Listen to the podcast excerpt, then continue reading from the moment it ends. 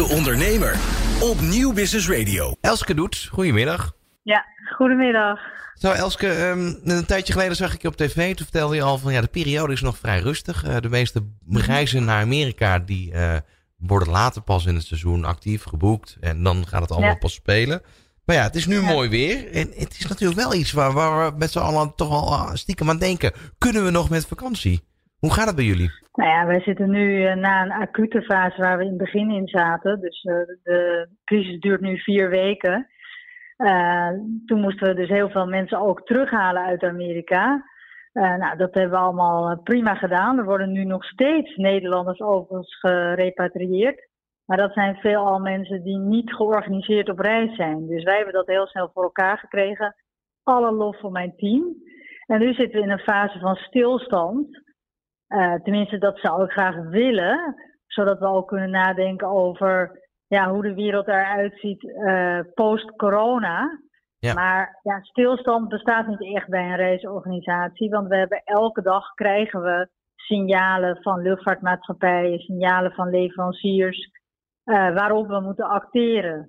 Ja, dus op dit moment is het zo dat alle reizen zeg maar, naar Amerika, die hebben wij dus um, opgeschort tot uh, 14 mei, 15 mei. En Canada tot 31 mei. Dus wij lopen al uh, redelijk voor de muziek uit. Omdat er natuurlijk ook vanuit die landen inreisverboden zijn.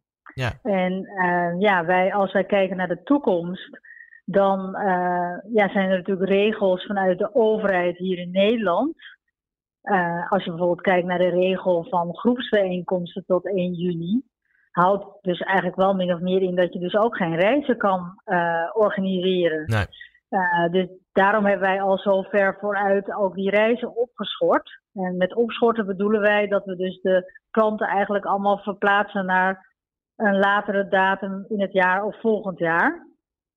Um, maar daarnaast zijn we natuurlijk ook afhankelijk van de overheden in Amerika en Canada en IJsland. En uh, dan is de volgende stap, als er weer vliegtuigen mogen gaan vliegen, de luchtvaartmaatschappijen liggen min of meer stil. En ja, om die capaciteit weer op gang te krijgen, heb ik begrepen dat elke 10% aan capaciteitsvermeerdering ongeveer vier weken gaat kosten. Dus ja, de nieuwe reisrealiteit uh, en ook dus de anderhalve meter economie gaat ook zeker voor het hoogseizoen wat betekenen. Ja, uh, dat, dus dat, daar... maakt, dat maakt het natuurlijk ook lastig dat je gewoon niet weet hoe lang deze periode gaat duren. Um, nee.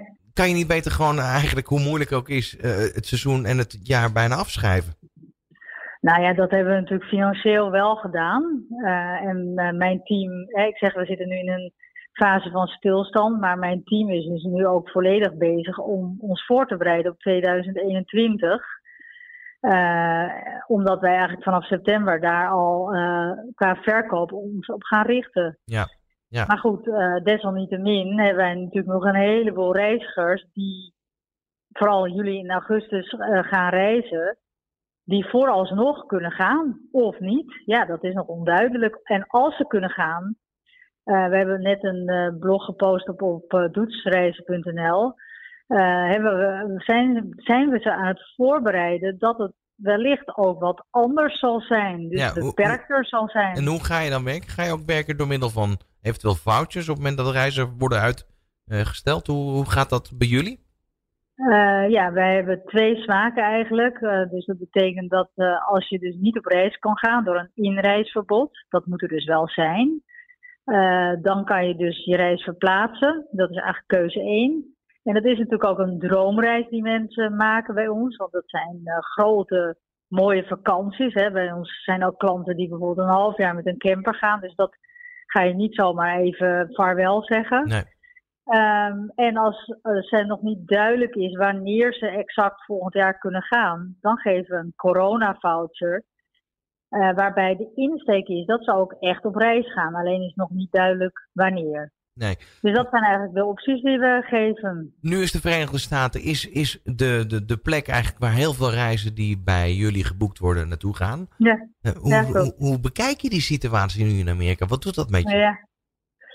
Nou ja, ik volg dat natuurlijk nauwgezet. En um, als je kijkt naar zeg maar, het patroon van corona, wat natuurlijk gestart is in China, daarna in Italië en hè, daarna is het opgeschoven naar zeg maar Noord-Europa en ook Amerika. En Canada loopt er nog iets achteraan. Uh, ja, in Amerika komt het heel heftig over, maar ze testen daar natuurlijk ook veel meer. En je ziet natuurlijk heel veel beelden van uh, New York. Uh, waarbij ik ook heel veel Amerikaanse media volg. En in New York is het zo dat eigenlijk alle omliggende wijken van Manhattan zijn zwaar getroffen. Maar Manhattan valt heel erg mee. Dus ja, uh, moet je ook alles weer in perspectief zien. Mm -hmm. uh, dus het komt heel heftig over als je op tv ziet dat er in Central Park een noodhospitaal is. Um, maar goed, de situatie is nu dus niet bereisbaar. En dat betekent ook dat op het moment dat het wel zo is, dat die Amerikanen, dat die Amerikanen dus heel snel weer operabel zullen worden. Dus veel sneller dan wij in Nederland operabel zullen kunnen worden. Ja, want daarbij ben je natuurlijk afhankelijk van de twee kanten van het verhaal.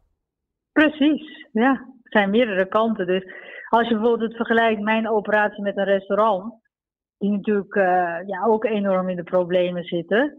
Uh, die, als die weer open mogen, wellicht mogen ze met minder tafels open, maar ze kunnen eten inkopen, het verkopen en weer uh, omzet maken. En in mijn situatie is dat gewoon veel lastiger, omdat ik afhankelijk ben van meerdere overheden en ook van vliegverkeer. Ja.